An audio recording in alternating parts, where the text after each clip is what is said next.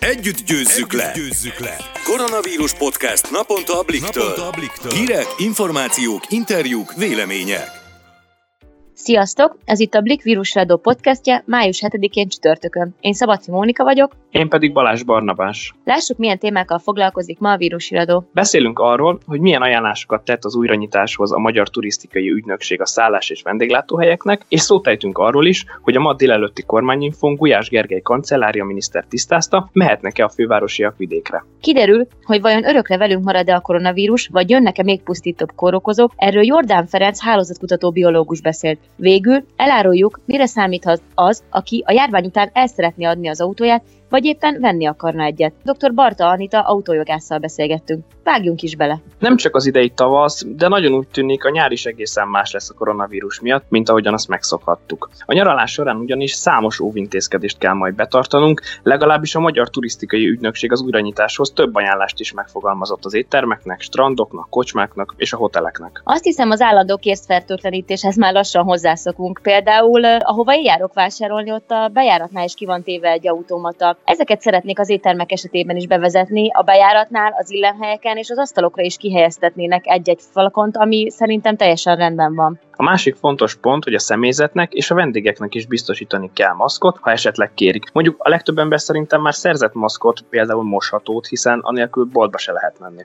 Igen, és a tömegközlekedési járművekre sem lehet masz nélkül felszállni, szóval biztos, hogy mindenkinek van már otthon, és én teljesen egyetértek ezzel is. Mondjuk az arcpajzsot viszont kicsit erősnek érzem például egy étteremben. Engem ugyanis feszélyezne, ha egy ilyen arcpajzsos pincér hozná ki nekem a kávét, vagy éppen a rántott húst. A felszolgálóknak ráadásul kesztyűviselése is erőteljesen ajánlott, emellett minimalizálniuk kell az érintkezések számát is a vendégekkel. Továbbá a vendégeket jó, ha emlékeztetik már a bejáratnál a készfertőtlen ellenítésre. Az egyik bank például már hetek óta így tesz, sorszámot sem kapunk, ha nem teszünk egy kitérőt a készfertőtlenítő flaskához. Nekem mondjuk az első dolgom mindig az, ha például bemegyek egy étterembe vagy kávézóba, hogy elmegyek kezet mosni, és bevallom őszintén, korábban sem szerettem azokat a helyeket, ahol például a cukor nem ilyen kis kicsi zacskókba volt kitéve az asztalra, hanem egy üvegedényben állt ott, Isten tudja már mióta. Így én például örülök annak, hogy majd, ha bevezetik esetleg, lehet kis zacskós, egyenként csomagolt fűszereket, cukrokat, sőt, sót kérni a pincértől. Egy asztaltársaságnál legfeljebb négy felnőtt plusz a gyermekek ülhetnek,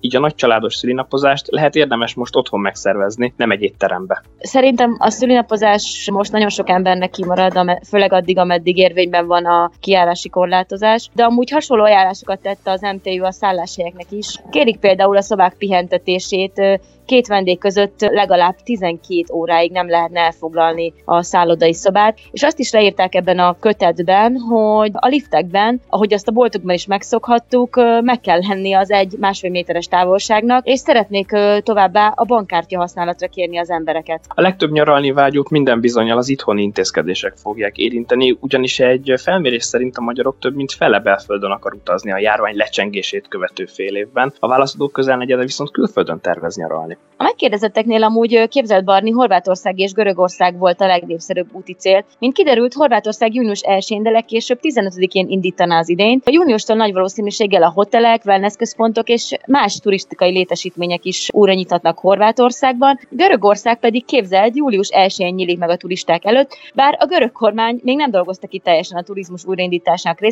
de azt ígérték ők is, hogy május 15-ig elkészülnek vele. Az viszont egyértelműen látszik, hogy az embereknek most a biztonság a legfontosabb, így szerintem nagyon sokat fog számítani az, hogy a népszerű külföldi nyaralóhelyeken mennyire veszik komolyan a védekezést. Én biztos vagyok benne, hogy komolyan fogják venni, hiszen nekik is fontos, hogy például megakadályozzák a vírus esetleges második hullámát, amiről oly sokat hallunk mostanában. Arról nem is beszélve, hogy az üdülővárosokat gyakorlatilag az idegenforgalom tartja életben, így ha nincs bizalom a turisták részéről, nem fognak oda utazni, ami a helyiek számára végzetes lenne. Szent Király Alexandra kormányszövvivő a ma délőtti kormányinfón amúgy azt ajánlotta, hogy belföldi utazást válasszunk, többek között azért, hogy az itthoni vállalkozásokat segítsük, és hát a kabinet úgy számol, hogy júniusban meg is indulhat a belföldi turizmus. Kormányinfo másik résztvevője, Gulyás Gergely kancellárja miniszter pedig arra is kitért, hogy a fővárosiak mehetnek vidékre, nincs lezárva Budapest és Pest megye, de nyilván be kell tartani a járványügyi intézkedéseket. Nagy kérdés azonban még mindig, hogy vajon örökre velünk marad-e a koronavírus. Erről Jordán Ferenc hálózatkutató biológus beszélt Sélei Noémi kolléganőnknek.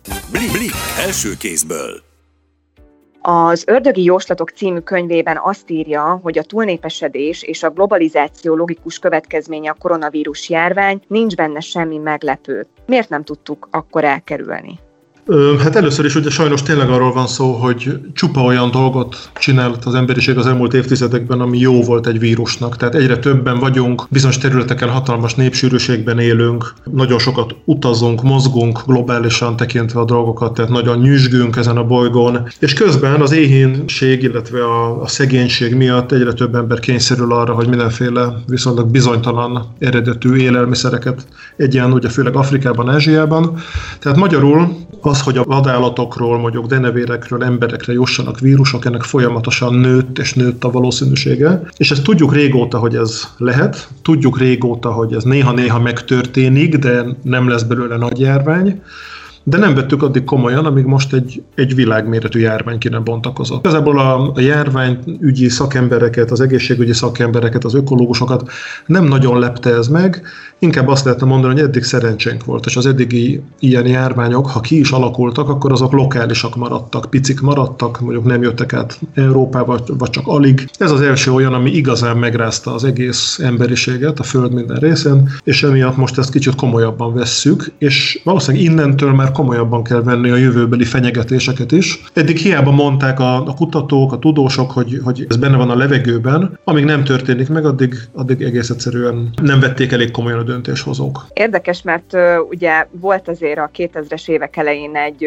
SARS nevezetű vírus is. Én igazából ezért nem értem, hogy ha láttak egy ilyet, ami ugyan nem volt jelen minden országban, ugye Magyarországot is elkerülte, de azért ott sem a járványügyi szakembereknek, vagy akik a vakcinák technológiákat fejlesztik, ott sem fordult meg a fejbe, hogy na, akkor most komolyabban kellene készülnünk, és úgymond egy turbo üzemmódra kapcsolni, akár a vakcinagyártás területén? Megfordult a fejükben, és még voltak is globális kezdeményezések, például volt egy Predict nevű program, aminek az volt a lényege, hogy rengeteg pénzt beleadtak, és ezért a világ minden részén próbálták föltérképezni a, a különböző állati eredetű kórokozókat, próbálták föltérképezni, hogy melyek a legveszélyeztetebb területek, próbálták föltérképezni, hogy ezek a kórokozók, ha járványt indítanak el, akkor mit lehet ellenük tenni, Ázsiában és Afrikában kiképeztek különböző szakembereket, tehát egy nagyon sikeres, nagyon jó programnak indult, de szép lassan, ahogy az lenni szokott, elfogyott a támogatás mögüle, elfogyott a pénz mögüle, és a végén összeomlott az egész program. Tehát sajnos ez kicsit olyan, mint amikor tudjuk, hogy el kéne menni fogorvoshoz, ilyen megelőző céllal, de igazából amíg nem fáj az ember foga, addig nem megy el fogorvoshoz. Aztán amikor már fáj,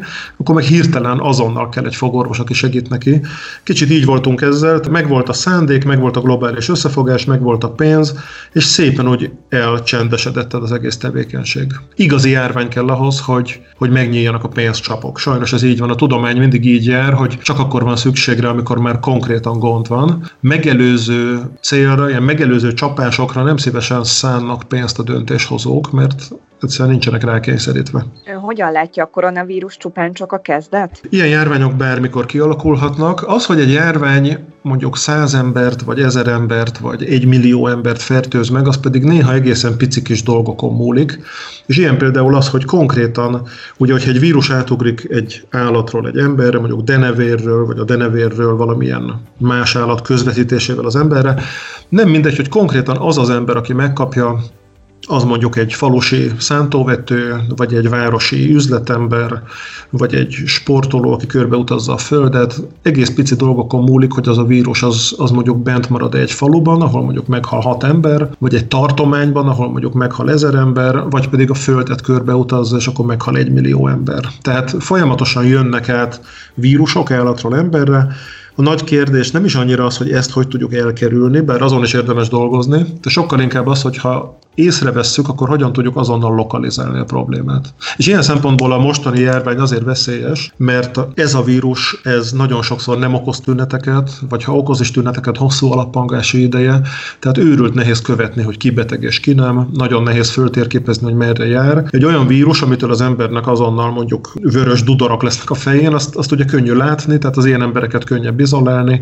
az egész járványt könnyebb lokalizálni és könnyebb kontroll alatt tartani. Ez a vírus abban nagyon veszélyes, bizonyos, hogy, hogy, hogy nem olyan nagyon veszélyes, és emiatt, emiatt nehéz őt nyomon követni. Hogyan lehetséges egy ilyen fajta vírust korlátok közé szorítani? Lehetséges ez egyáltalán ilyen fajta életvitel mellett, amit mi élünk szerte a világon? Ez egy nagyon izgalmas kérdés, és igazából itt vannak módszerek. Például, ugye a hongkongiak, a szingapúriak, amint a legelső híreket hallották erről a kínai járványról, lényegében azonnal leállították a, a repülőforgalmat az országok között, legalábbis Kínának ebből a tartományából azonnal leállították a repülőket, és így sokkal, sokkal hatékonyabban és sokkal ügyesebben kezelték a helyzetet. A világ többi része az miután messzebb vannak, ezért nem reagáltak ilyen komolyan rá, nem reagáltak semmilyen gyorsan, semmilyen határozottan, és emiatt tudott a vírus eljutni most már lassan a világ utolsó szegletébe is. Nagyon sok tanulságot le lehet vonni, és az egyik tanulság az pont az, hogyha valahol felüti a fejét egy ilyen vírus, amiről azt látjuk, hogy van benne potenciál, hogy az egész világon végig söpörjön, akkor azonnal izolálni kell azt a területet, tehát rögtön le kell állítani a repülőjáratokat, a turizmust, akár a vonatot, és tehát nagyon hirtelen kell reagálni. Nem lehet azt megcsinálni, hogy Kínában már mondjuk két hónapja dühöngött a járvány, amikor Európa még szinte semmilyen intézkedést nem hozott. Egyszerűen ez egy, ez egy őrültség, ilyet a jövőben nem lehet csinálni. Tehát sokkal komolyabban kell venni, és még ha jó döntéseket is hozunk a végén, ezeket sokkal gyorsabban kell meghozni. Ön szerint a koronavírus után, ha már meg lesz a vakcina, lehet olyan az életünk, mint az előtt? Ha nagyon akarnánk, akkor valószínűleg lehetne olyan, de szerintem egyáltalán nem járunk ezzel jól, és én azt gondolom, hogy nem is kéne, hogy akarjuk. Tehát a tanulságokat levonni az azt is jelenti, hogy meg kell változtatni sok mindent. Ugye a globalizáció az egyrészt egy nagyon csodálatos dolog. Rengeteg pozitív hatása van a globalizációnak, ugye a művészek, sportolók, tudósok körbe tudják utazni a Földet, az olimpián ott van az utolsó kis ország csapata, stb. stb. De rengeteg negatív hatása is van. Ezeket egy kicsit csökkenteni lehet, és hogyha egy kicsit csökkentjük, vagy pláne, hogyha nagyon csökkentjük, akkor nagyon nagy lépést teszünk a felé, hogy ne legyenek ilyen nagy járványok a jövőben. Például arra gondolok, hogy a kereskedelmet egy kicsit érdemes, globális kereskedelmet kicsit keretek közé szorítani, egyáltalán a gazdaságot egy kicsit regionalizálni, a turizmust, a turisztikai viselkedést egy picit rövidebb távúvá varázsolni, tehát mondjuk a belföldi turizmus az legyen menő, a regionális termékek, mezőgazdasági termékek azok nem csak finomabbak, hanem olcsóbbak is néha. Nem biztos, hogy mindenkinek Bangladesben gyártott pólóban kell járni, nem biztos, hogy mindenkinek a Bahama-szigeteken kell nyaralni, hogyha itt van az Adria is. Tehát bizonyos dolgokról le kell mondani. Úgy tűnik, hogy ez az ára annak, hogyha el akarjuk kerülni, hogy ilyen járványok legyenek a jövőben. Ha ezeket a globális kapcsolatokat kicsit lecsökkentjük, sokkal, de sokkal könnyebb lesz a következő járványokat lokalizálni és féken tartani. Azért a természetet se felejtsük ki az egyenletből. Ugye ön is az előadásaiban és az interjúiban már többször említette, hogy az emberiség orosz rulettet játszik a természettel. Mit értett ez alatt pontosan? Hát most már elég sok ideje el lehet azt mondani, hogy az ember az semmiféle egyensúlyban nincs a természettel, és nem is nagyon törekszik erre. Ugye folyamatosan beszélünk természetvédelemről, fenntarthatóságról, fenntartható fejlődésről, különböző zöld célokról. A legtöbb esetben ez csak ilyen mellébeszélés, meg önáltatás, ön saját magunknak a hitegetése. Az emberiség úgy általában elég rossz irányban halad, a természetet pofátlan módon kiraboljuk, kizsákmányoljuk, kiírtjuk magunk körül, és ez Például azzal jár, hogy a, még meglévő természetes élőhelyek azok már nagyon összezsugorodtak, lényegében nem tudnak hova menni már az állatok, nem tudnak hol élni, az ember közvetlen közelében élnek. Egy egészen friss kimutatás arról számol be, hogy Brazíliában, ahol a legnagyobb mértékű az erdőírtás, ott van a legtöbb maláriás megbetegedés, tehát már a szúnyogok is gyakorlatilag kiszorulnak az őserdőből, és hogyha egy méterre vannak az embertől, akkor ott minden nap lehet fertőzni. Az élőlényeket kiszorítjuk a természetből, magunkra húzzuk őket, és ez is jelentős jelentősen megnöveli az esélyét annak, hogy ilyen emberről állatra átugráló vírusokkal találkozunk, amire persze nem vagyunk felkészülve, és aztán azok végig söpörnek a világon. Tehát a természetpusztulás, a globalizáció és a túlnépesedés együtt hárman abban az irányban hatnak, hogy ilyen betegségek, ilyen járványok bármikor jöhetnek, egyre nagyobbak lesznek és egyre komolyabbak lesznek. Megtehetjük, hogy visszatér az élet a régi kerékvágásba, megtehetjük, hogy erre nem reagálunk sehogy, akkor majd a vírusok megoldják helyettünk. Tehát ez elég keményen hangzik, de sajnos az igazság. Nagyon szépen köszönöm professzor úr, hogy válaszolt a kérdéseinkre, a hallgatóinknak pedig a figyelmet. Köszönöm szépen, viszont hallásra. Blik, blik, első kézből. A továbbiakban kiderül, mire számíthatunk, ha a járvány után szeretnénk eladni az autónkat, vagy éppen venni akarunk egyet. Többek között erről beszélgettem dr. Barta Anita autójogásszal, az autótveszek.hu társtulajdonosával. Szia Anita, köszönöm, hogy elfogadtad a felkérést. Szia Móni, köszöntöm a hallgatókat, én is nagyon örülök, hogy elfogadta a felkérést, és örülök, hogy itt lehetek veletek. Rengeteg hírt hallunk mostanában arról, hogy például a használt autópiac, ha nem is haldoklik, de drasztikus visszaesést figyelhetünk meg. Igaz ez, és ha igen, akkor mik lehetnek az okai? Sajnos igaz, igaz, hogy a használt autópiac most visszaesésbe került, amiatt, hogy külföldről nagyon sok autót hoznak be, de mondom most, hogy hoznának be, mert sajnos a vírus miatt ezt nem tehetik meg, mert aki kimegy, az ugye tudjuk, hogy ez a két hetes karantén, ami vár rá, mikor visszajön, vagy pedig szigorú szabályozás következtében megfelelő dokumentumokkal lehet jelenleg külföldre jutni, így a külföldi autóbehozatal az szinte megállt. Belföldön igazából a használt autók hirdetések fenn vannak az interneten, és sok hirdetést tesznek fel. Én úgy látom, hogy ez leginkább az autókereskedők teszik fel, az új autó hirdetők, használt autó hirdetők, amit nem belföldi piacra szántak, hanem exportra, csak nem tudják eladni exportba, hanem itthon kell értékesíteniük. Tudsz esetleg egy számot mondani arról, hogy nagyjából mekkora ez a visszaesés, 40-50 százalék, vagy akár több? Százalékos visszaesés már márciusra is kihoztak adatok alapján, az 15 százalék körüli visszaesés volt, de én úgy gondolom, hogy ha így satszolni kéne az áprilist, az legalább egy 50-60 százalékos visszaesés. És mire számíthat az most, aki el szeretné adni az autóját? Az eladással kapcsolatban azt gondolom, hogyha mondjuk egy kereskedőről vagy a magánszeméről van szó, nincs olyan nagyon rossz helyzetben, mert az internetet rengetegen nézik. Én azt tapasztalom, hogy a hirdetéseket nagyon sokan nézik, nagyon sokan kattintanak rá, ráérnek jobban az emberek. Tény, hogy sajnos olyan sok eladás az ennek ellenére nincsen, mert félve indulnak el az emberek autót venni, jobban ragaszkodnak ahhoz, hogy oda telefonálnak, meggyőződnek arról, hogy mennyire biztonságos most az a helyszínre elutazni, nem szeretnek kockáztatni az emberek, de úgy gondolom, hogy már élénkülés tapasztalható, és igenis szeretnének és fognak is az emberek autót venni. Aki most el akarja adni az autóját, azt tegye föl, hirdesse, és én úgy gondolom, hogy normális piaci áron meg fog jönni rá vevő. És még hozzátennénk még egy dolgot, bocsánat, hogy most használt autó, aki rendelkezik pár éves, egy, kettő, három, négy, öt éves használt autó, jó áron fogja tudni eladni, mert az új autók ára ettől a vírustól függetlenül, a helyzettől függetlenül nőttek a CO2 kibocsátás kvótán miatt, ezért sokkal drágábbak lesznek az új autók, és a használtaknak jó értékük lesz. Ez biztos. És ellenkező esetben, aki venni szeretne? Aki venni szeretne, az igazából, ha nem fél elindulni, azt javaslom, hogy tegye meg.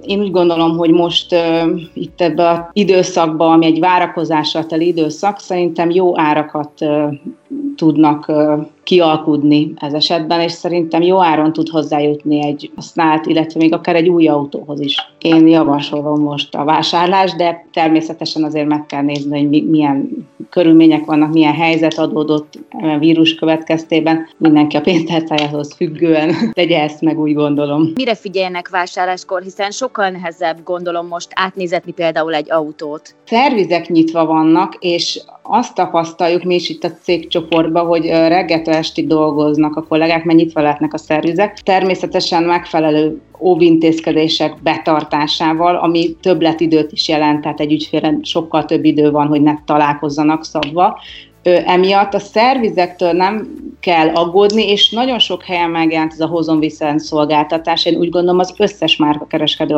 alkalmazza már. Tehát, hogyha szervizre szeretné vinni a kocsiját, vagy akár vesz egy új autót és meg szeretné nézetni, én úgy gondolom, hogy partner ebbe a márka kereskedés, és fog tudni segíteni, hogy biztonságban érezze magát a vevő. Milyen papírok azok, amikre jelenlegi helyzetben ügyelnünk kell egy autóvásárlásakor? Ugyanazok a klasszikus papírok, igazából, mint eddig is, de legyünk körültekintőek, attól függetlenül ugyanúgy nézzük meg az autó előéletét, nézzük meg az autó sérüléseit, azért ne kapkodjuk ezeket a dolgokat, amikor autót megveszük, azért arra szálljuk rá azt a egy-két órát, amikor konkrétan az autónak a dolgait tüzetesebben átnézzük. De ugyanazok a dokumentumok, papírok kellenek igazából ehhez, mint eddig. Én azt javasolnám, hogy egy fiatal, egy-két éves használt autót, ha meg tudunk csípni, az lehet, hogy jobb vétel lehet, mint egy új autó. Úgyhogy én igazából azt mondanám, hogy ha találunk ilyet a piacon, azok az autók jó állapotban vannak általában, nyilván érdemes ezeket is megnézetni, de garanciális gépjárművekről beszélünk, kevés a rizikója, így akár ez jobban megfelelhet, mint hogyha most azonnal egy új autóvásárlásba kezdenénk. Köszönjük a hasznos tanácsokat és a beszélgetést is. Nagyon szépen köszönöm én is. Blik, blik, első kézből. Köszönjük, hogy ma is velünk tartottatok, várunk titeket legközelebb is a Blik vírus iradóban. Sziasztok! Sziasztok!